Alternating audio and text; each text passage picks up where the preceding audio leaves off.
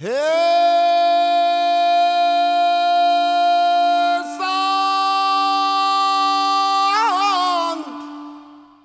kunne godt både have valgt uh, Bjørk eller Kate Bush, men jeg synes, det var interessant at vælge noget, som måske ikke så mange har hørt før.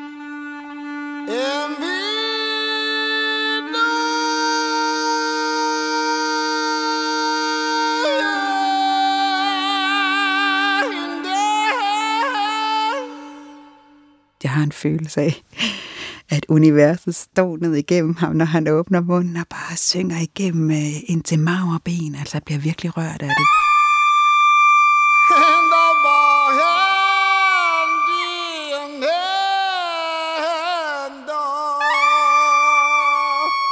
Det sådan kalder noget, noget mod og noget kraft frem i mig.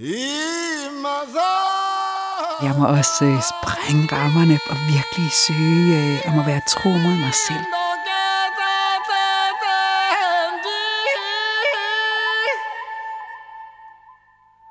Jeg hedder Astrid Nora og er artist og sanger og komponist og spiller under øh, navnet Where Did Nora Go.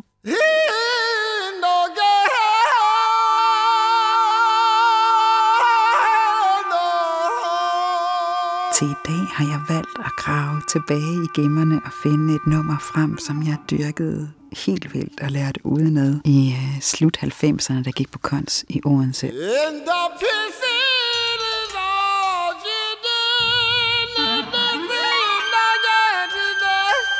Det er nummeret Louise, som er en del af Circular Chant-pladen af Marilyn Masur og Pulse Unit, som er et uh, jazzpar-samarbejde, og det er Per Jørgensen, vi skal høre, der folder sin stemme mod i fuldt flor.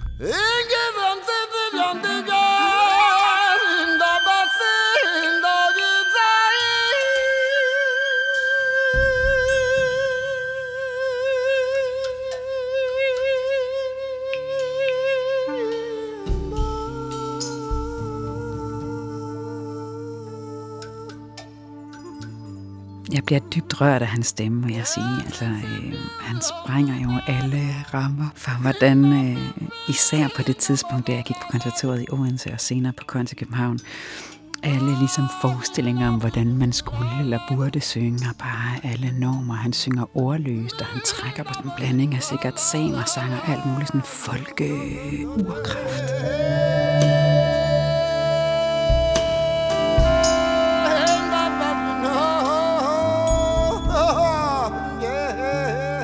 Altså på kunst dengang, der var der sådan en usagt, oplevede jeg og rigtig mange, især mine sangerkolleger, tror jeg, at der var noget rigtigt og forkert. Der var kunst, og så var der ligesom alt det andet, som man ikke beskæftigede sig med.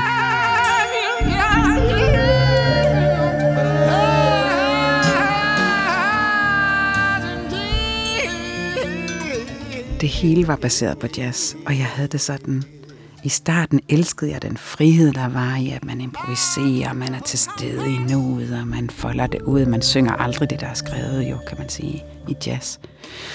Man fortolker altid meget. Men jeg følte det også som sådan øh, en reproduktion af noget fra, øh, især hvis skulle synge sådan noget swing eller bebop, var bare sådan, fuck, vi er ikke 40'erne mere, eller 50'erne, 60'erne.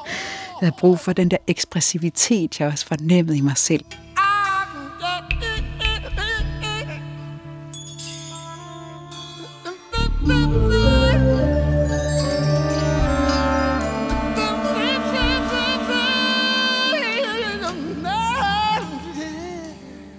Den kunne ligesom ikke komme igennem det her. Der var ikke plads. Det der med at finde andre veje, og Per Jørgensen virkelig åbnede det for mig og ledte mig over i senere Bjørk, som jo havde også den der ekstreme urkraft og voldsomhed, også blidhed, men også den der eksplosionskraft og vilje.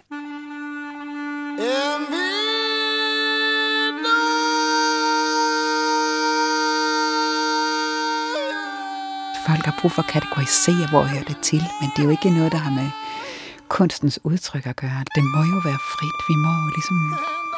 Vi er nødt til at sprænge de rammer.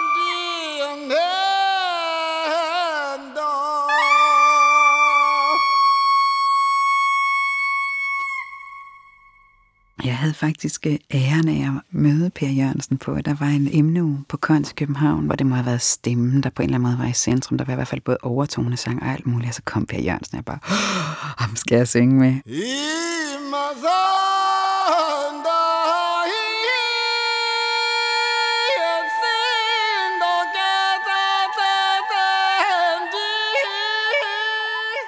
Og øh, kom den her lille den her lille trold fra de norske skove. Han bor i, ude i en hytte alene ude i en skov og i Norge. Det kan man godt.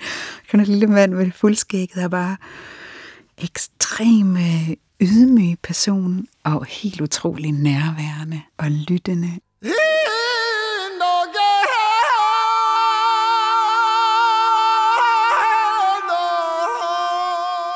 Vi skulle selvfølgelig lave koncert efter ugen der, og hvor jeg var en af dem, der skulle skyggesynge for ham, så han ligesom foldede sin stemme ud, og så skulle jeg ligesom følge efter.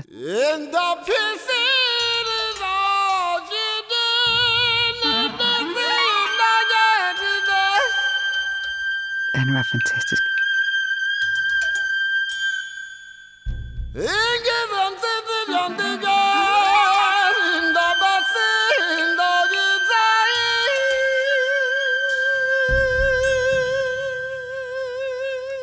Den styrke, der ligger i, hvis man kan stå så stærkt i sig selv og så kompromilløst. Det har i hvert fald været det, jeg har let efter lige siden. Også øh, i de artister, der ligesom har talt til mig siden.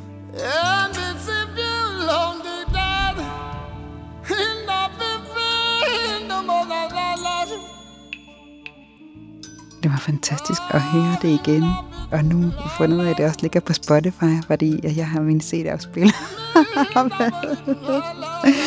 Den har været sat til side i mange år, så øh, det var virkelig fantastisk at høre urkraften igen.